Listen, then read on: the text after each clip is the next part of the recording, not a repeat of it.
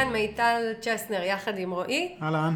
והיום אני בפרק שאני הולכת להקליט ממש לבקשת הקהילה שלי, וזה פרק שבו אני אשתף איך אני אה, שינית, עשיתי את התהליך בתוך העסק שלי מעסק שהוא היה מבוסס על פעילות אה, מזדמנת, אם לקרוא לזה ככה, אה, פגישות, בודדות, מדי פעם, בלי סדר משמעותי, איך הבאתי אותו למקום שהוא עסק מאוד מאוד סיסטמטי, מאוד מסודר, שבו אני מציעה היום תוכניות ליווי מובנות במחיר קבוע, בפורמט קבוע.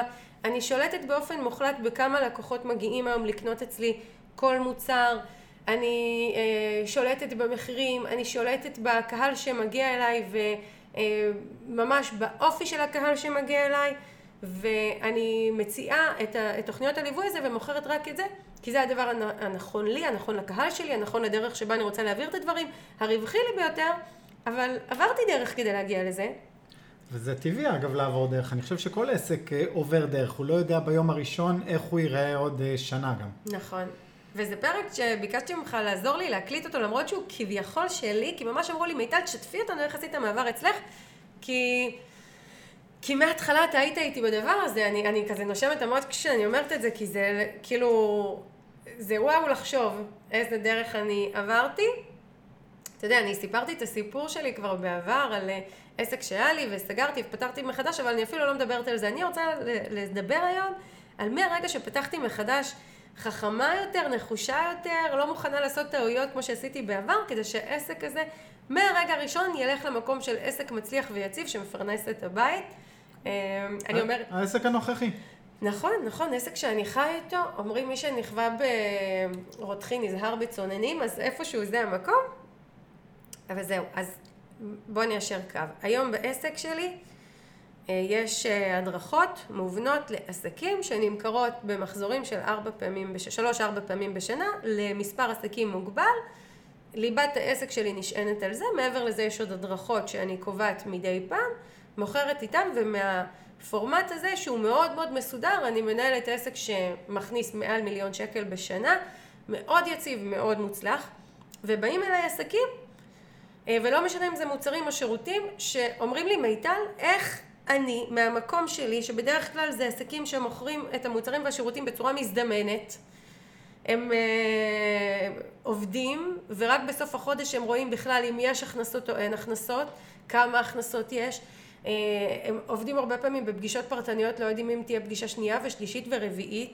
ובאמת מתקשים למכור באופן מובנה, וביקשו ממני, מיטל, בואי תספרי לנו את הסיפור שלך, איך עברת את השלבים האלה אצלך, וזה מה שאני מספרת. אני רק אגיד על אותם עסקים ששאלו אותך, אתם בחברה טובה, זאת אומרת, זה תהליך טבעי שנמצא אצל כל עסק אה, מתחיל. נכון, אבל, אבל, אבל, האוטומציה הזו בתוך העסק היא לא דבר שמתרחש מעצמו, זאת אומרת, זה לא שעם הזמן הדברים משתכללים ונהיים מדויקים, אלא אני יכולה לספר שאני מהרגע הראשון ה mindset שלי היה העסק הזה הולך להתנהל נכון, הולך להיות רווחי, הולך להיות סיסטמטי ולכן גם כשעבדתי בצורה פחות מסודרת היא תמיד הייתה עם הפנים למקום המסודר וכל דבר שעשיתי, כל צעד שעשיתי היה מאוד מאוד מחושב. היה כוכב צפון כזה שאליו הולכים. נכון. אז uh, עכשיו יש דברים שמתחילת הדרך uh, ידעתי או חשבתי שאני רוצה שיקרו ויש דברים שגיליתי תוך כדי תנועה, כך שגם זה חשוב.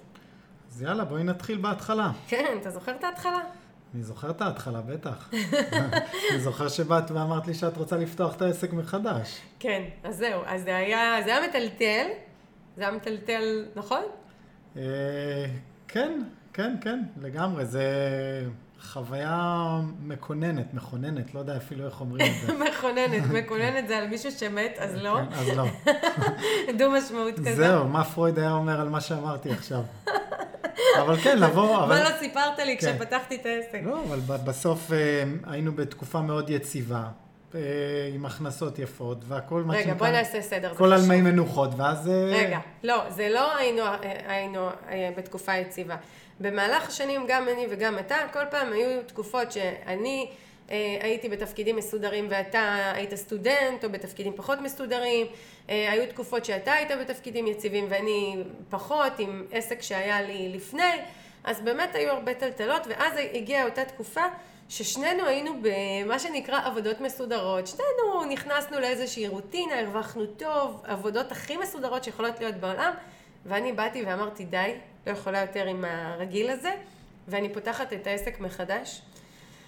ו- וזהו, ותחילת הדרך בעסק הייתה, אה, התחלתי, חזרתי בעצם למה שחשבתי שאני יודעת לעשות ונכון לעשות, שזה פגישות. עכשיו זה קטע, כי כשאני יצאתי לדרך אמרתי לעצמי דבר כזה. אני הייתי מנהלת שיווק, יצא לי לעבוד עם המון המון אה, חברות ישראליות, ואמרתי כשאני אה, אצא החוצה, אני אשמש כמנהלת שיווק ב outsourcing לחברות ומותגים. זה מה שחשבתי שאני אעשה. תעשי retainer. אני אעשה retainer, עשיתי לעצמי איזשהו חישוב, ואני, יהיו לי ארבעה עסקים או ארבע חברות שאני אעבוד בשבילם, כל אחד בסביבות חמשת אלפים שקלים, אביא עשרים אלף שקל הביתה, אחלה כסף, ככה ראיתי את ההצלחה של העסק שלי, ועם זה יצאתי החוצה. יצאתי החוצה, התחלתי... קודם כל, אה, אה, בפן השיווקי, באתי ככה הכי מתמסרת בעולם, אמרתי לעצמי דבר כזה, אני הולכת שנה שלמה לשווק מכל הלב, הכי מעמיק, לגרום לכמה שיותר אנשים להכיר אותי, לדעת מי אני.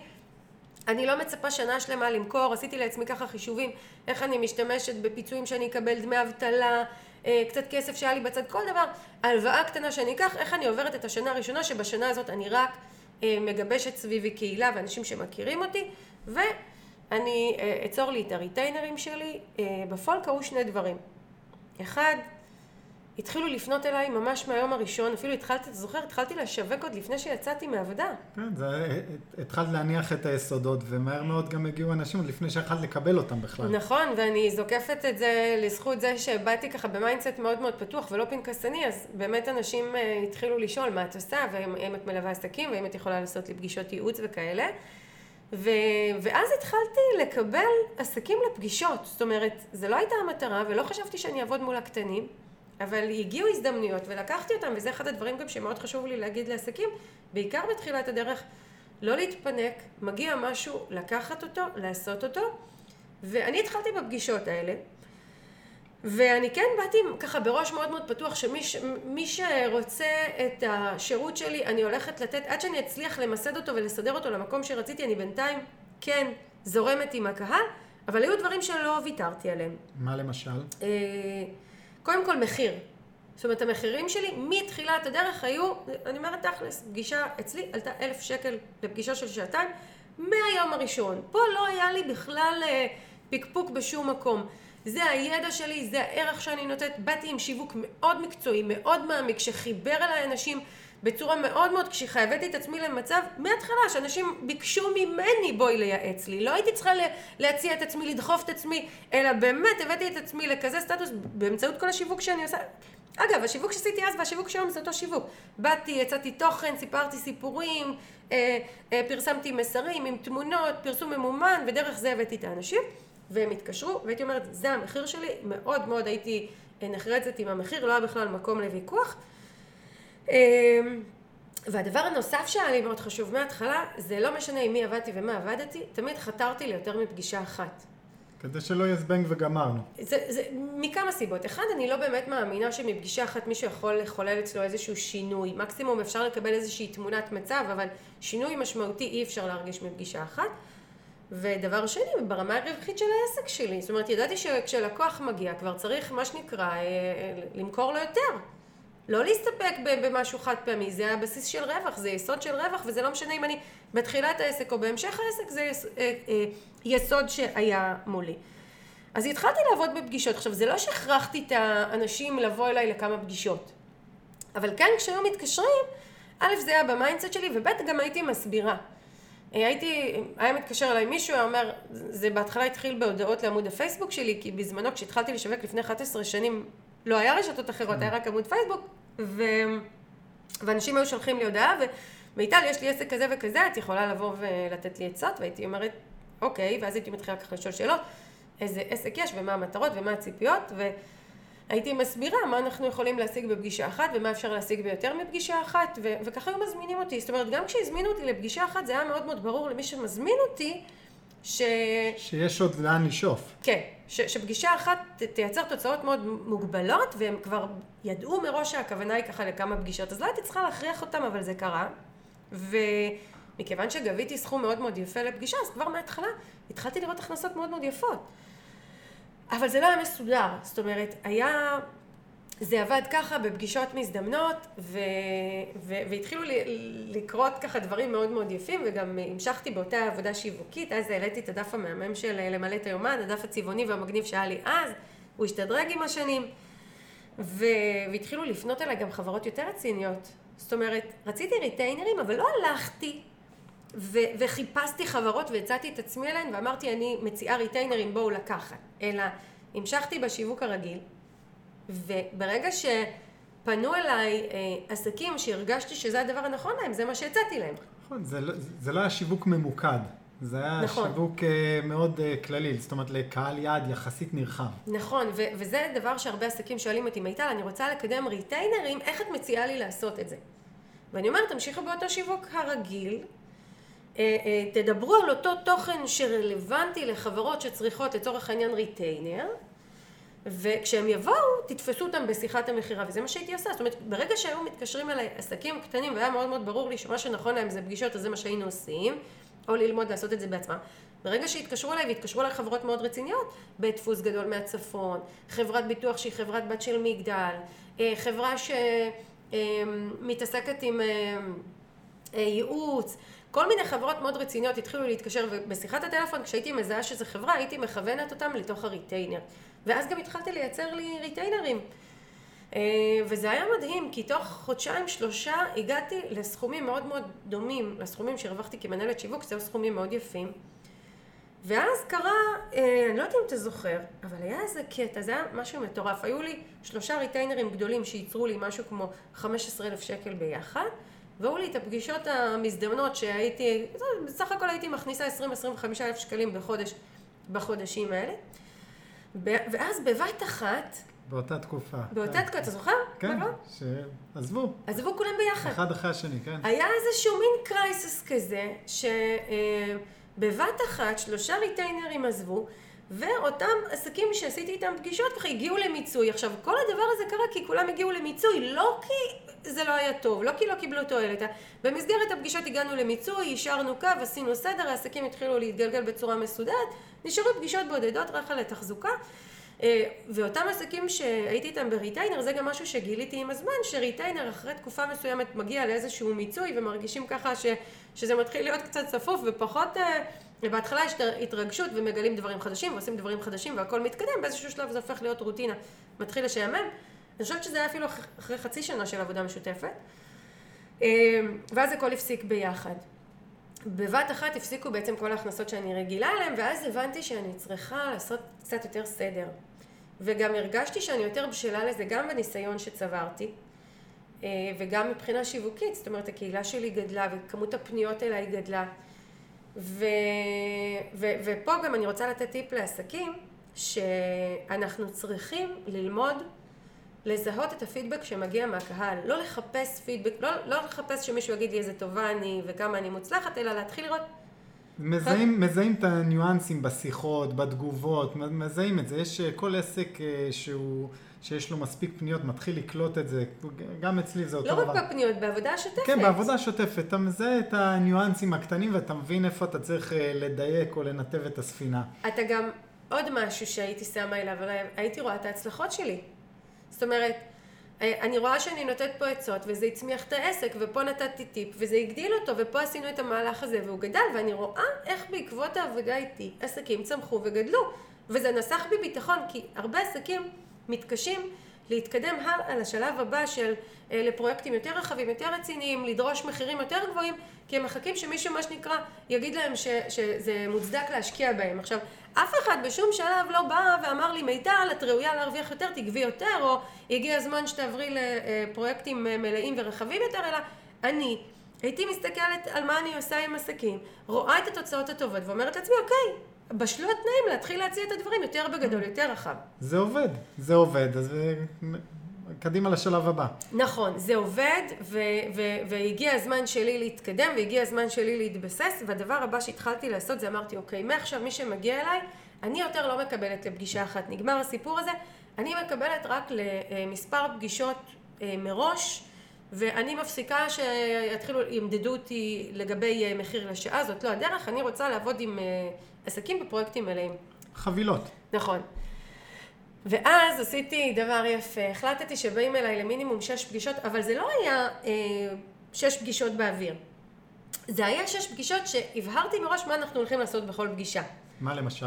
למשל, אה, בפגישה הראשונה, אה, קודם כל ככה, כשעבדתי כבר בערך חצי שנה עם אה, עסקים שהיו באים, מגיעים לפגישות מזדמנות, התחלתי, אני זוכרת שאתה אמרת לי את זה, סיפרתי לך שאני מוצאת את עצמי בכל פגישה, מראה להם איזשהו גרף כזה מגניב לגבי הלקוחות. לקוחות קרובים, לקוחות רחוקים, איפה אנחנו מתחילים. ואני זוכרת שאתה אמרת לי, איזה מגניב זה, את צריכה לעשות הדרכה על זה. נכון. ואתה זוכר, זה היה מזמן, כן, לפני כן. איזה שמונה, תשע שנים. ו- ואמרתי לעצמי, אוקיי, ת- זאת אומרת, זה נכון, אני עוד לא בשלב לעשות על זה הדרכה, אבל כן אמרתי, אני אתחיל לייסד תהליך קבוע עם כל עסק שמגיע אליי. אז נגיד בפגישה הראשונה היינו ממפים את קהל היעד ואת אתגרי העסק. ובפגישה השנייה היינו כבר נכנסים ומתחילים ללמוד לכתוב מסרים. ובפגישה השלישית היינו כותבים דף נחיתה, ובפגישה הרביעית היינו בונים תוכנית. ו... זאת אומרת, היו לנו שש פגישות, בין הפגישות הייתה עבודה, בין... זאת אומרת, הייתי אומרת להם, מסיימים את הפגישה, אתם מקבלים ממני חומרים לבצע שולחים לי, עושים פינג פונג באימייל, ובעוד שבועיים הפגישה הבאה. זאת אומרת, הייתי מלווה אותם פרק זמן של בערך שלושה חודשים, פעם בשבועיים פגישה, והמחיר היה פר חבילה. זאת אומרת, אי אפשר לבוא אליהם לפגישה אחת. עכשיו, היו כאלה שחששו מהחבילה, והיו אומרים לי, רגע, אבל אני לא רוצה, איך אני יודע שזה יסתדר לנו? אני איך אתחייב מעכשיו. נכון. אז הייתי אומרת, דבר כזה, קודם כל הייתי באה עם המון ביטחון, בגלל השיווק הרציני והמעמיק שאני כל הזמן עושה, שגם השיווק שלי תמיד רואה קדימה, אף פעם לא חיפשתי את ה-1, 2, 3, בום, למכור, 1, 2, 3, נוסחה תצלח, להצלחה. בדיוק, תמיד ראיתי עסק בנוי לשנים, והייתי באה ומסבירה ככה את המשמעות של התוכנית, ו- ועסקים שעשיתי איתם, מה התוצאות היו, ובדרך כלל זה הספיק כדי שיבואו אליי לחבילה מלאה, ואם היה מישהו שככה חשש, הייתי אומרת, אוקיי, בוא, בוא נסכם שאנחנו נכנסים לחבילה מלאה. אבל אם אחרי פגישה אחת את מרגישה, אתה מרגיש שזה לא מה שציפית, שזה לא נתן לך את התוצאות, שהדינמיקה בינינו היא לא מה שחשבת, נעצור. נעצור שם, תשלם לי רק על הפגישה הראשונה, תיקח ממנה את התובנות, תבין הרבה דברים, נעשה לך סדר, ובזה נעצור. וזה נתן לעסקים את הביטחון כן לבוא לחבילות, ואז התחלתי, קרו שני דברים. גם כל לקוח שהגיע אליי, ראיתי אה, פור קדימה מאוד מאוד יפה בתזרים שלי, גם ידעתי בכל רגע נתון מה אני עושה בשלושת החודשים הקרובים, וגם היה לי יותר קל לבוא למכור את זה. כי לבוא ולמכור לאנשים פגישה זה מאוד מאוד אה, כללי. אבל כשאני באה ומסבירה שאני מוכרת חבילה ומה החבילה הזו כוללת, זה עשה גם לי וגם למי שהקשיב לי סדר. גם, אני גם חושב שזה לא רק למכור פגישה, זה בסוף למכור ללקוח את מה שהוא מבקש, לעומת, אוקיי, אני יודעת מה אתה צריך, זה מה שאנחנו הולכים לעשות. וכשבתחילת הדרך אני מניח שזה היה יותר, אוקיי, מישהו אומר, זה הכאבים שלי בעסק, טוב, בוא נעשה פגישה, נפתור את הכאב הזה. כן. ופה את באה עם תהליך מסודר, שהרבה יותר קל למכור משהו מסודר. נכון. אז אני רוצה לחדד משהו שקרה. זה, זה נכון מה שאתה אומר, וזה היה מאוד מאוד לטובתי, אבל יש פה גם קאץ' שהעסקים מעלים בפניי. כלומר, רגע, אבל אם בעסק שהחבילה הזו שאת מציעה לא מתאים לו, אם הוא שונה, אז אני אגיד פה מה עשיתי. קודם כל, אני כן הבנתי שהחבילה הזאת, זה מה שאני רוצה למכור, והעסקים שמגיעים לחבילה הזו, אלה העסקים שאני רוצה לעבוד איתם. זה אופי מסוים של עסקים, זה סגנון, זה תחומים מסוימים, זה mindset של בעל עסק שרואה קדימה, שרואה תוכנית, שרואה עשייה מסודרת ולא ככה משהו אה, מיידי, ומאוד מאוד אהבתי את זה. וכיוונתי מאוד מאוד לזה, וחתרתי לזה שבכל רגע נתון יהיה לי את מספר העסקים שבאים לחבילה הזו. אבל בהתחלה, כשעדיין לא היה לי מספיק כסף כמו שרציתי, כן הייתי, אם היה מגיע עסק שהחבילה הזו לא מתאימה לו, אז הייתי מקבלת אותו ו- ומסבירה לו ככה את המגבלות שמתאימות לו. או שכן, המשיכו גם בתקופה הזו לבוא אליי ולבקש ממני ריטיינרים, ואני אגיד בכנות, בתקופה הזו כבר פחות היה לי כיף לעשות ריטיינרים, אבל כן, לקחתי אותם, כי רציתי שתהיה לי את אותה יציבות בתזרים. כן, גם, בסוף גם כל שינוי הוא צריך להיות, הוא לא צריך להיות אה, חיתוך, זה מעבר, עשית מעבר הדרגתי. נכון, נכון, וזה נתן לי שקט וביטחון, שאני לא מכחידה לחלוטין משהו ואולי הוא אה, יצליח ואולי הוא לא יצליח ואני אולי אצור לעצמי בור כלכלי בבית, אלא אני מבססת שירות אחד, מצד שני אם באים ומבקשים ממני עוד כל מיני שירותים ופרויקטים, אני מסכימה להם. עכשיו, אלה היו כל מיני פרויקטים. הייתה לי קולגה שהיא מעצבת גרפית והייתה מבקשת ממני להצטרף לפרויקטים על תקן יועצת שיווק, או אה, בניית אתרים. היו מבקשים ממני להיכנס, אה, אה, לעזור בבנייה של אתר, לעזור באפיון ובתיווך מול הקהל, כל מיני פרויקטים שבעצם שילמו לי עליהם בנפרד, והסכמתי לקחת אותם, גם ריטיינרים שפחות אהבתי וגם פרויקטים מזדמנים כאלה, כדי שתהיה לי הכנסה בזמן שאני מחזקת את מה שאני רוצה. הניואנס היה שאת מה שאני רוצה לקדם קידמתי באופן יזום. זאת אומרת, זה תמיד היה הדבר הראשון שאני מספרת למי שהתקשר אליי, זה מה שאני מקדמת בשיווק שלי.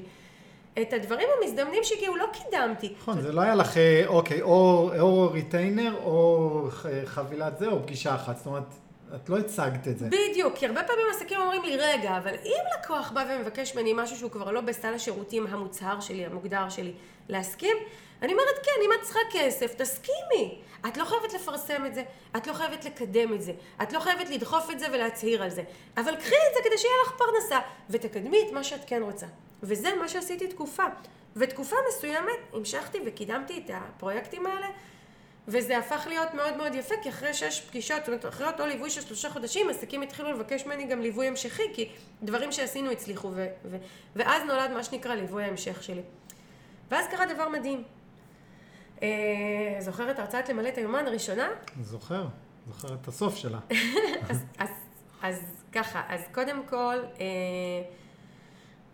דגדג לי להעביר הרצאה. הרגשתי שאני רוצה לעשות הרצאה, ואני זוכרת שכל הסיפור הזה התגלגל ככה. זאת אומרת, תמיד היה לי בראש שאני רוצה להעביר הרצאות, ואני רוצה להדריך הרצאות, ורוצה להיות על הבמה, וגם ידעתי שזה חלק בלתי נפרד מליצור לי קהילה ועסק מבוסס, זה להיות על במה.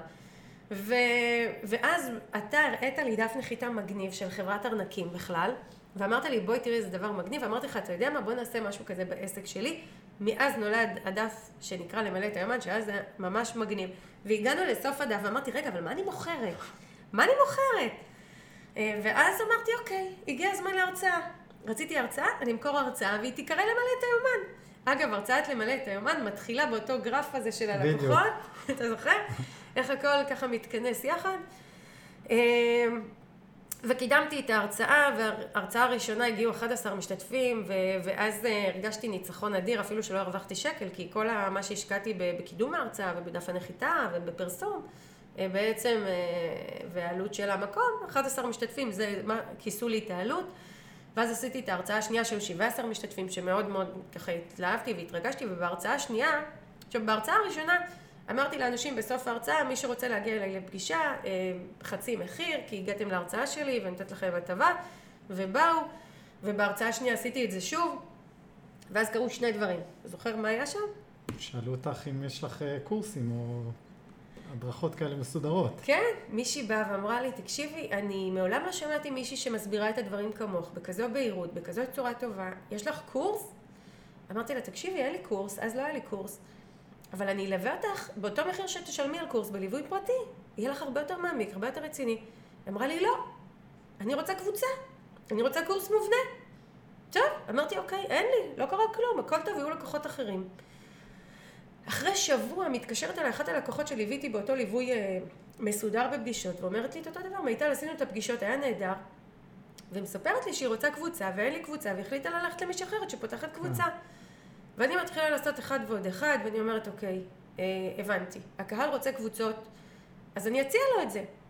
ואז עשיתי אה, שני דברים במקביל. אחד, התחלתי לתכנן את השיווק שמייצר לי קבוצות, זאת אומרת, את ההרצאה הבאה שדרכה אני אקדם קורס, והתחלתי, מה שעשיתי באותן פגישות מובנות שהיו לי, של שש פגישות, חמש, שש פגישות מובנות, התחלתי ממש לנהל אותם כמו שמנהלים קורס. אמרתי, אני הולכת לעשות סטאז' על האנשים שבאים אליי לפגישות בלי שהם יודעים. הם לא יודעים אפילו. נכון. אמרתי, איך אני הולכת לנהל שיעור? זה וזה וזה מה שיהיה בשיעור, זה יהיה בתוך מצגת, יהיה משימות, יהיה דוגמה, יהיה משימה שבועית, ככה אני הולכת לעשות את זה איתם. רעיון מבריק. זה היה מגניב לאללה. הם עפו על זה, כי הם באו אליי ומעולם לא באו ליועץ שנתן להם משהו כל כך מובנה ומסודר. אה, ו- ודפי עבודה, ומשימות, וקבצים, זאת אומרת, התחלתי להכין את כל הדברים האלה, ותוך כדי תנועה העברתי את זה על איזה חמישה, שישה משתתפים, ואני מתחילה לזהות מה עובד, איפה נתקעים, מה הם מצליחים לבד, מה לא מצליחים לבד. צריכה לדייק את זה. נכון. כעבור חודשיים אה, יצרתי את הקורס הראשון, הוא נקרא עושים עסקים גדולים, פתחתי אותו עם שמונה עסקים, בדיוק באותו מבנה שעשיתי את הפגישות. עכשיו, כדי להגן על עצמי, פתחתי את הקורס וכל שיעור היה ארבע שעות. כי אמרתי לעצמי, אם, מה שנקרא, ייתקלו בדברים, לא יבינו, יהיה לי זמן להסביר, לתרגל. היה קורס מדהים. המשתתפים ממש עפו על הקורס. עכשיו, פה עולה עוד שאלה שעסקים שואלים. אגב, שנייה, איך, איך עשית את הקורס הזה? הקורס הראשון שלי היה במתכונת פרונטלית. עשיתי אותו בתל אביב, מקום שקרוב לרכבת, שקל להגיע אליו. כל שיעור ארבע שעות. יצאתי מגדרי שם בקורס הזה, זאת אומרת, נתתי לקהל הכל. קודם כל, המחיר שלו היה אה, 20% ממה שעולה קורס היום אצלי. זאת אומרת, באתי ואמרתי, אני רוצה לייסד קורסים, אז המחיר שלהם, אני לא אגיד שהוא היה הפסדי, בכלל, הוא, היה, הוא עלה 2,800 שקלים, אבל הוא, הוא היה מחיר שהוא היה לי מתאים, יכולתי להביא אנשים לקורסים האלה. אה, לבסס אותו. אמ, כל שיעור הייתי באה שעתיים לפני השיעור, כי אם יש לאנשים שאלות, אם הם לא מבינים משהו שאני אוכל לעבוד איתם. כן, ממש היה לי חשוב שכאילו זה מאוד מאוד יצליח. אז גם אם הפורמט הקבוצתי לא יצליח, אני אתן מענה אישי. ובקורס הראשון, גם נתתי לכל אחד מהמשתתפים פגישה אישית. זאת אומרת, כיסיתי את עצמי מכל הכיוונים. אם הפורמט הקבוצתי פחות יצליח, אז יש את השיעור הארוך, ויש את התרגול לפני, ויש פגישה אחרי, ומה שנקרא, אני אפתור הכל. וגם תמיד אמרתי, מישהו לא הסתדר, לא הבין, אני ארים לו טלפון, נסגור. בסופו של דבר הקורס הזה היה הצלחה ענקית. המשתתפים היו בהלם מכמות הדברים שהם למדו, ומהנתינה ומהעומק ומההישגים. ואז עשיתי את הקורס פעם שנייה ושלישית, ואחרי הפעם השלישית התחלתי לזהות דבר מדהים. התחלתי לזהות שבקורס מגיעים לתוצאות יותר טובות מאשר בליווי הפרטני. וזה קרה... כוחה של קבוצה. זה גם כוחה של קבוצה, אבל עוד דבר מדהים קרה שם. אה, יש משהו בלמידה בקורס שהוא משאיר את האחריות אצל הלומד. זאת אומרת, אם בייעוץ היו באים ושואלים אותי, מיטל, מה לעשות? מיטל, זה לא עבד, מה את אומרת? וכל הזמן הייתה איזושהי תלות שלא נגמרה בי, שזה לא דבר בריא. לא בהיבט של הלקוח שצריך להסתדר לבד עם העצות שאני נותנת, ולא לי, כי אני לא רוצה שאנשים יהיו תלויים בי, זה, זה, זה מייצר הרבה עומס רגשי שתלויים בלי הפסקה. נכון, אה, בסוף יש לך את העסק שלך לדאוג לו, את לא צריכה גם לדאוג לעסקים של אחרים, ואני זוכר גם שהיה פעם אירוע שלקוחה, אני לא אגיד האשימה, אבל אה, מאוד אה, לקחה את זה קשה על עצות שנתת לה וזה לא עבד לה. זה לא שזה לא עבד. היה שם איזושהי, היה איזשהו שינוי מאוד מאוד משמעותי בשוק שלה, ואני המלצתי לה להשתנות יחד עם השינוי, והיא לא רצתה, היא סירבה לשינוי הזה. אוקיי. ואז הייתה ירידה בהכנסות והיא מאוד כעסה, ואמרתי לה, אבל בואי, אני אמרתי לך שאת צריכה לעשות את השינוי ולעבור לפלטפורמה הזו והזו, אחרת העסק ירד. היא אמרה לי, את צודקת, מיטל, אבל אני עדיין חושבת שאת אחראית כיועצת שלנו. ופה אני אמרתי, אוקיי, זה כבר לא יכול לעבוד, וזה לא דבר שנכון שיקרה, ואני לא רוצה את התלות הזאת בי. ובסופו של דבר אני יכולה לתת עצות מצוינות, אבל בעל עסק חייב שהאחריות תהיה אצלו כדי להגיע לתוצאות טובות. ואגב, גם היום, אתה יודע, אני מאוד מאוד מעורבת רגשית בעסקים שאני מלווה, ואני איתם, ואני אה, ככה בכל הלב שלי מסורה, אבל האחריות לביצוע נמצאת אצלהם, וכתוצאה גם התוצאות שלהם יותר נכון, טובות. זה חייב להיות ככה, ברור. נכון, ו- וחשוב לי להגיד את זה פה, למה? כי עסקים חוששים לעבור למתכונת של נגיד קורסים, כי הם חוששים שהקהל שלהם יגיע לתוצאות פחות טובות. וזה לא נכון. ככל, אני במעבר שלי לקורסים, העסקים שליוויתי בקורסים הגיעו לתוצאות יותר טובות מעסקים שליוויתי בפרטי, בזכות הלקיחת אחריות הגדולה הזו שלהם. זאת אומרת, אז אני הייתי שם ללמד, לדייק, לתמוך, לבדוק, לתווך, להוביל, אבל הם ביצעו את הדברים, וזה גם נסח בהם ביטחון, והוקרת התודה עליי הייתה ענקית. זאת אומרת, הם מאוד מאוד מאוד אה, הוקירו תודה, ואז קרו בעצם שני דברים מאוד מאוד יפים. אחד, הם התחילו מאוד מאוד לעזור לי עם שיווק מפה לאוזן, זאת אומרת, כל מי שיצא מהקורס שלי סיפר לחברים והביא עוד חברים, וזה דבר שעסקים מאוד מאוד מצפים לו, הם, שיהיה לנו פה לאוזן, אבל פה לאוזן יכול לקרות רק אם אני, את המחזורים הראשונים של הדברים שאני מוכרת, אני עושה. זאת אומרת, פה לאוזן לא יקרה מעצמו. פה לאוזן יקרה כשאני מקדמת באופן יזום, מביאה את הקהל, והקהל הזה אחר כך עוזר לי להביא עוד קהל. צריך גם מסה, צריך מסה גם לפה לאוזן. נכון, והמסה הזאת תקרה רק אם אני מקדמת באופן יזום. אז זה דבר אחד שקרה. דבר שני שקרה, זה בשלב מסוים קיבלתי החלטה שאני מכחידה את הליווי הפרטני. אמרתי, אין, זהו. א', אני מאמינה בקורסים הרבה יותר, הם נותנים תוצאות הרבה יותר טובות לקהל שלי ואני נשארת בקורסים. דבר שני, זה יותר נכון לי מבחינת ניהול העסק, שיש מחזורים מסודרים. כשאין ליווי פרטני ויש רק קורסים, יותר אנשים באו לקורסים. וכי אנשים אמרו, אני רוצה את מיטל, אני רוצה ללמוד ממיטל, זאת הדרך שאפשר ללמוד ממיטל, זאת הדרך שאני באה ללמוד בקורס. ומי שלא רוצה קורס, יש אחרים. נכון, והכל טוב, הגעתי ליעדים שלי, זה עבד נהדר. ואז אה, המשכתי ו- וככה עבדתי בקורסים עד שהגיע השלב הבא, והוא ככה מאוד מאוד מתקרב למה שאני עושה היום, שזה המעבר לדיגיטל. כמה אה, מחזורים עשית אה, שהם לא דיגיטל? עשיתי שלושה מחזורים שהם לא דיגיטל. ליוויתי במצטבר משהו כמו 40 עסקים בעסקים, במחזורים האלה. המעבר לדיגיטל היה אה, גם איכשהו במקרה, זאת אומרת, היה חופש גדול, ואני נורא רציתי לפתוח קורס, וידעתי שמאוד יהיה קשה לאנשים להגיע בחופש הגדול לקורס. כי כמו שאנחנו רואים היום, נמצאים בבית עם הילדים, ויש הרבה מה לעשות וכאלה. אז אמרתי, אני, זאת הזדמנות בשבילי לנסות לפתוח קורס דיגיטלי. הקורס הדיגיטלי שלי הראשון היה בוובינארים חיים בשידור חי. הגיעו אליו בסך הכל חמש משתתפות, וזאת הייתה הצלחה אדירה. קודם כל גיליתי שמה שלוקח לי ארבע שעות ללמד, אני מלמדת בשעה וחצי בלבד. Uh, הפורמט היה מאוד גמיש כי היו איתי המשתתפים בהקלטה בשידור חי, אבל זה גם היה מוקלט והם יכלו אחר כך להקשיב uh, להקלטה. מכיוון שעשיתי כמה מחזורים פרונטליים וגם השידור היה חי, אז אם היו שאלות או דברים שלא הבינו יכולתי להסביר. Uh, המשתתפים יכלו להקשיב לקורס בכל זמן שהם רצו אם הם לא היו בשידור חי או להקשיב פעם שנייה ושלישית. יכולתי להשאיר להם אותו זמין לתמיד. זה עבד לטובתי בכל צורה. זה היה כל כך כל כך מוצלח. שמאז לא חזרתי אחורה. כל הקורסים שלי מאז דיגיטליים.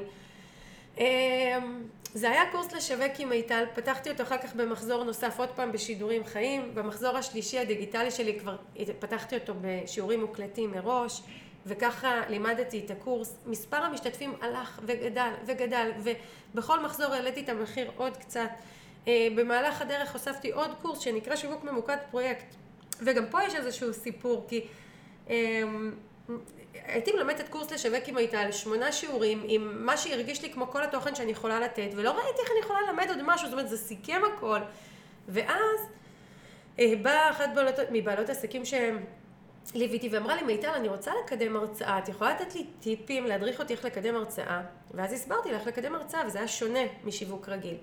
ואז הייתה עוד מישהי שביקשה ממני לשווק הרצאה, ועוד מישהי, ואמרתי, אוקיי, שלושה אנשים שונים מבקשים ממני משהו שלא קיים בקורס שלי, יש פה פוטנציאל לקורס חדש. ואז יצרתי את קורס שיווק ממוקד פרויקט, שזה הקורס אה, הבא שלי, ש, שהתמקד בפרויקטים מסחריים, אה, ובמהלך הדרך אה, ראיתי שקיים צורך לעוד מידע בנושא ניהול עסק מתקדם יותר, ואז יצרתי את קורס מתקדמים בעסקים. במהלך הדרך מכרתי כל אחד מהקורסים בנפרד, ומכרתי אותם בחבילות. באמת בכל מיני פורמטים. היום הפורמט שאני עובדת בו היום, זאת אומרת מה שאפשר לקנות מהעסק שלי היום זה דבר אחד. זה את קורס לשווק עם מיטל בפורמט המורחב שכולל את שיווק ממוקד פרויקט. כי אני זיהיתי שהיום בימים שלנו, באילוצים שלנו, בתקופה שאנחנו נמצאים, עסקים חייבים לדעת את כל הבסיס השיווקי שבונה קהילה וגם את הבסיס שיוצר להם קמפיינים מסחריים. אז הגעתי למקום שהחלטתי ארבע פעמים בשנה למכור את הקורס המשולב הזה במחיר קבוע לבין עשרה לעשרים עסקים בכל מחזור, וזהו. והסך הכל הזה מייצר לי את כל ההכנסה שאני צריכה בעסק שלי, ובין לבין אני מקדמת הדרכות נקודתיות ממוקדות במחירים מוזלים יותר שמביאים לי ככה את הקהל שעוד לא בשל לשלם את המחיר המלא של הקורס אלא מגיע להדרכות ממוקדות וקצרות יותר ובגדול זה הסיפור של העסק שלי. זה קודם כל סיפור מרתק גם בתור אחד שליווה אותו, אבל יש פה המון אה, הקשבה, ל... הקשבה והרגשה של הלקוחות ושל של התקופה. וזה מדהים איך כל פעם אה, ניתבת את זה והתקדמת ביחד עם הרצונות של הלקוחות. נכון, יש פה, יש פה שני דברים שתמיד היו מול העיניים שלי, והם לא סותרים. אחד זה הקשבה ללקוחות, ושניים זה הקשבה למה נכון לי.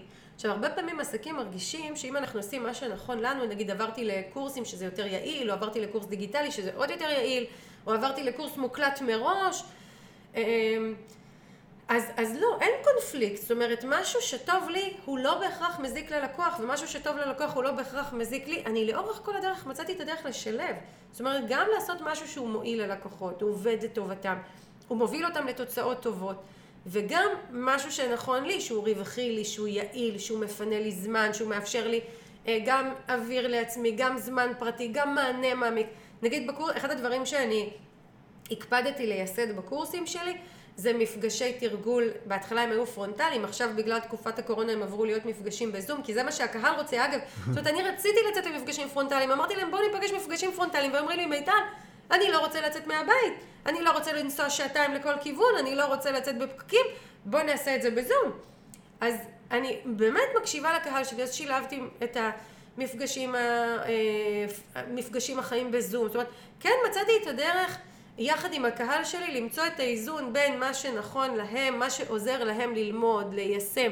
אה, אני נותנת תמיכה מאוד מאוד מעמיקה דרך אימייל, אני מאוד קשובה, אני מאוד ממוקדת, ממוקד, מאוד מתאימה את עצמי לקהל שאיתי, ויחד עם זאת כל הפורמט בנוי בצורה שמשאיר לי המון זמן פנוי, המון אוויר לעצמי, אה, סיסטם מאוד מסודר. אחד הדברים למשל שקרו לי, אם אתה זוכר, הייתה שנה שפתח, במקום לפתוח ארבעה מחזורי קורס מרוכזים, יצא שכמעט כל חודש פתחתי מחזור קורס קטן. נכון.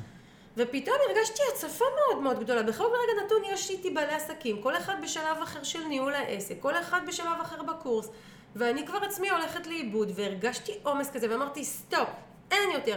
ארבעה מחזורים בשנה, כל מחזור אני משווקת הכי מקצועי שיש, הכי רציני שיש, הכי טוב שאני יכולה, מביאה את האנשים למחזור הזה המלא של הקורס, ו... אה, אה, ומביאה בדיוק את העסקים שאני רוצה, ויוצאת מהצפה הזאת, וזה קרה, ושנתיים האחרונות ככה אני עובדת. אז באמת המון הקשבה לקהל, המון המון מיקוד במה שנכון לי. בכל רגע נתון אני גם אבדוק האם זה נכון לי ולמטרות שלי, לרווח שלי, לזמן הפנוי שאני רוצה, ליכולת השיווקית שלי, למגבלות של הקהילה שלי, יחד עם מה שטוב ללקוחות שלי, והאיזון הזה הוא עובד. זו הסיבה שהקורסים שלי מלאים, זו הסיבה שמי שמסיים אצלי קורס מאוד מאוד ממליץ לחברים, זאת אומרת זה לא קורה סתם, זה קורה כי הכל בנוי בחוכמה. עכשיו את כל הדבר הזה אה, אני בונה כבר על פני אה, תשע שנים. אה, אני יכולה להגיד ששלוש השנים הראשונות היו שנים ממש של בנייה, זאת אומרת הכי הרבה שינויים ומעברים מהפורמט של פגישה אחת פרטנית ללא יודעת מי עד לשלב של קורסים דיגיטליים לקח בערך שלוש שנים. אבל מלפני שלוש שנים ועד היום אני רק משכללת ומדייקת את מה שעובד. ואגב, אם נחזור להתחלה, כשהתחלת את העסק חשבת שתעשי ריטיינרים, נכון? בדיוק. הכי רחוק ממה שאת עושה עכשיו. חשבתי שאני אהיה מנהלת שיווק באאוטסורסינג, בריטיינרים, לעסקים. אי אפשר, אי אפשר לדעת בהתחלה מה, לאן נגיע. נכון. ו, ובסופו של דבר, אבל אנחנו כן יודעים, אתה יודע מה אנחנו כן יודעים? אנחנו כן יודעים מה נכון לנו, מה טוב לנו. אנחנו כן יודעים על מה אנחנו לא נוותר. ואנחנו כן יודעים שגם, זאת אומרת, אני ידעתי לאן אני רוצה להגיע, זאת אומרת, תמיד ידעתי שאני רוצה, א', רציתי קהילה גדולה, רציתי שהרבה עסקים יכירו אותי, רציתי להיות מובילה דעת קהל, רציתי למכור קורסים מעמיקים, רציתי שכל עסק שייפתח, ועד היום אני רוצה שכל עסק שייפתח, לפחות ישמע את השם שלי ויכיר אותי כמי שמסוגלת לעזור לו, גם אם הוא לא יבחר בי, לפחות שהוא ידע את זה. רציתי להיות זאת שעסקים מגיעים אליה ויוצאים אחרים, זאת אומרת, מגיעים אליי בעלי עסקים שהם קלולס, לא, לא, זאת אומרת, אנשי מקצוע מאוד מאוד טובים, הם יוצאים מהקורסים שלי בעלי עסקים, שיודעים לחשב רווח, יודעים לנהל שיווק, יודעים לאמוד את הקהל, יודעים לנתח נתונים, יודעים להגיע לתוצאות. זה מה שרציתי. ובכל רגע נתון, לא משנה מה קרה, תמיד וידאתי שהמטרות האלה מושגות, וזה לקח זמן. וזה עדיין קורה, זאת אומרת, אתה מכיר אותי, אני לא הגעתי לסוף הדרך. הנה, גם עכשיו, אנחנו באוגוסט 21, קיבלתי החלטה בשנה הקרובה לשנות את פורמט הקורס שלי. לעשות בו התאמות. למה? כי הרגשתי שהפורמט שיש לי כרגע, הוא, הוא דורש משהו אחר, הקהל דורש ממני משהו אחר, הקהל צריך אותי בצורה קצת שונה. עשיתי שינוי. זה לא נגמר, וטוב שזה לא נגמר. לא הייתי רוצה לדעת שהגעתי לאיזה dead end ומפה הכל הולך להיות אותו דבר. איזה משעמם זה. משעמם מאוד. אני רוצה להתפתח עם הקהל, אני רוצה להתקדם עם הקהל, אני רוצה ליצור דברים חדשים. אגב, עוד דבר שחשבתי עליו השנה, שיש דברים מקורס הבסיס שלי שאני רוצה להוריד ולהחליף בדברים אחרים. כי הנתונים בשוק השתנו. אז, אה, אז כן, אז זה המסר שלי בסוף לעסקים. אנחנו תמיד נתפתח ואנחנו תמיד נשנה דברים, תמיד נדייק דברים. יש עקרונות שתמיד יהיו מול העיניים שלנו וחשוב שיהיו וגם מול העיניים שלי הם היו. יש דברים שהשתנו תוך כדי תנועה, צריך פה לגייס הרבה אורך רוח וסבלנות אה, ואז אנחנו מגיעים לתוצאות שאנחנו רוצים. ואני אשאל אותך, מה, מה לקחת מה... ככה, אם עלתה לך איזה תובנה בעקבות כל מה ששיתפתי פה? תראי, זה לא חדש לי, קודם כל, כל מה ששיתפת, אבל שני דברים שאני, שמלווים אותי גם בעסק שלי שאני פתחתי לפני ארבע שנים, משהו כזה, עוד מעט ארבע שנים, אה, זה באמת ה... זה שני דברים, זה, זה ההקשבה הזאתי, להבין מה הקהל רוצה וצריך, וגם להתעקש על מה טוב לי, והחיבור הזה, הוא לא יכול ליפול. כשאתה מחבר את מה שהקהל רוצה ומה שטוב לך, אי אפשר לעשות רע. זה נשמע אולי רוחניקי או אני לא יודע מה, אבל לא יכול לצאת מזה רע. ואני זוכר בתחילת הדרך שעשיתי דברים שהקהל או הלקוחות רצו ולא עשו לי טוב, זה עשה לי רע. זה לא שזה לא עשה לי טוב, זה עשה לי רע. ו- וההפך, ופה כשאני, כשאני מצליח לשלב את הדברים כמו שאת מצליחה, זה, זה ערובה ל, לזוגיות מאושרת, נקרא לזה. בינך ובין העסק ובין הלקוחות. בדיוק. שלישייה. אה, זה כל כך יפה שאתה אומר את זה, אני מסכימה, ואני חושבת גם, אני מניחה שתסכים איתי, זה גם דורש תרגול ואימון. נכון, אי אפשר, אומרת- שוב, ביום הראשון אי אפשר. נכון. זה, אין- זה לא רק ביום הראשון, לפעמים עסקים באים אליי, ונגיד אחרי חצי שנה כבר מצפים להגיע לאידיליה אי הזאת. אפשר, זה אני- לא, זה מתפתח. אגב, אני, שוב, אני כרגע מתחיל את השנה הרביעית שלי, או מסיים את השנה הרביעית, סליחה, זה רק עכשיו אני מתחיל להרגיש את ה... נקרא לזה את הבשלות ואת הבגרות הזאת, שלא הייתה לי לפני זה. נכון, ו- ובסוף, אתה יודע, אני ואתה יכולים לתת פה השראה וללמד, ואני בקורסים שלי מלמדת את כל הדברים ברמה הכי מקצועית כדי להגיע לזה. בסופו של דבר גם כן נדרשת ללכת את הדרך שלנו, את ההתנסויות שלנו, את האתגרים הספציפיים לנו, את ה... כדי לזהות מה טוב לי, מה טוב לקהל שלי, צריך לעבוד מולו. אז יש לנו את העקרונות שתמיד יהיו מול העיניים שלנו, מה נכון לי, מה טוב לי, מה רווחי לי, מה מחזק את העסק שלי, מה מגדיל אותו, מה לטובתו, ויש לנו את ה... אה, מה שנקרא, את המוכנות שלנו להתקדם, ועם המון המון פתיחות וגמישות ללכת את הדרך הזו. אני כן אוסיף משהו חשוב, וזה השיווק. זאת אומרת, בזכות השיווק המאוד רציני, מעמיק ובלתי מתפשר שלי, יכולתי להשיג את זה. כי אני, בזכות זה, שהתעקשתי ואני ממשיכה את זה עד היום, לייצר סביבי קהילה. ואתה יודע, גם אני הרבה פעמים רואה כל מיני פרסומים של אה, אה, כל מיני אנשים שמבטיחים 1, 2, 3 ותוצאה, והנה הקמפיין הזה שיביא לך מלא מלא הכנסות, ותראו את העסק הזה שבא אליי, עשינו לו קמפיין אחד עם ארבעה צעדים ויש לו כל הזמן פניות. אף פעם לא חיפשתי את הדבר הזה, אף פעם לא האמנתי בו. אגב, כי אני באה ממותגים מאוד מאוד גדולים שקיימים עשרות שנים, וידעתי שלא ככה עובד עסק רציני, אלא בבניית קהילה לאורך זמן. ככה אני עובדת, ובזכות העבודה הבלתי מתפשרת שלי מהרגע הראשון ועד עצם היום הזה, וזה ימשיך לתמיד, במה שנקרא, בשיווק מאוד מאוד מעמיק מול הקהילה שלי בכל מיני ערוצים, ולהיות שם כל הזמן, בצורה מקצועית, אני הגעתי למצב שהעסק הזה מנוהל בתנאים שלי באופן מוחלט. אני מוכרת את מה שאני רוצה, לקהל המדויק שאני רוצה, במחירים שאני רוצה, אני ממלאת את כל הקורסים שאני רוצה, במספר המשתתפים שאני רוצה, אני מוכרת מעולה, אני אה, מנהלת את העסק טוב ואני מקווה שתמיד זה יישאר לי. ואת אגב משקיעה את הזמן שאת רוצה גם, זה לא שאת אה, שבויה של העסק. לא שבויה של העסק ולא שבויה של השיווק שלי, אה, וזה גם כמובן תהליך של התפתחות, ו, וזה מה שמאפשר לי את זה. זאת אומרת, כי הרבה עסקים יבואו ויקשיבו לסיפור ויגידו לי, רגע, מיטל, אבל אני לא מצליחה להביא את הקהל אה, לקנות מה שאני רוצה, בזמן שאני רוצה, באיך שאני רוצה. ואני אומרת, פה זה תהליך משולב, שגם המיינדסט שלי שמאוד מאוד מכוון לזה, בין אם זה במה אני מציעה, מה אני אומרת בשיחות, מה אני מוכנה לקבל, מה לא, וגם בשיווק שלי, שכל הזמן יוצר ומחזק סביבי את הקהילה, כדי שהיא תקנה בתנאים שלי. זה שני מסלולים מקבילים שעובדים יחד בצורה מאוד מאוד מאוד חזקה, וגם ימשיכו לעבוד יחד, אני מקווה, כי אני מתכוונת להמשיך להשקיע ולהקשיב ולעשות את הדברים באמת לטובת הלקוחות שלי, ובסופו של דבר גם אחד המפתחות המשמעותיים זה שצריכים להיות לנו לקוחות מרוצים.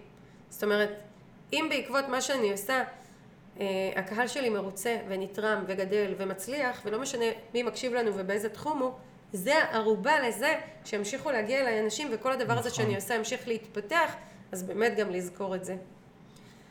אה, זהו, אני חושבת שככה סיפרתי פה את עיקרי הדברים, יש לי עוד המון המון המון מה להגיד, אבל אה, אנחנו נעצור פה כדי לא להציף, ואני מקווה שזה תרם, שזה עניין. אני מניח שכן, ותודה שהתארחת בפודקאסט שלך. זהו, היה לי באמת אה, מרגש לשתף את הדברים האלה.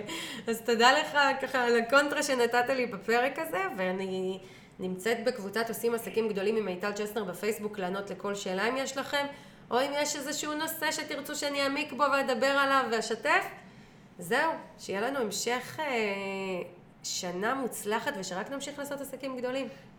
אמן. תודה רועי. ביי. ביי ביי.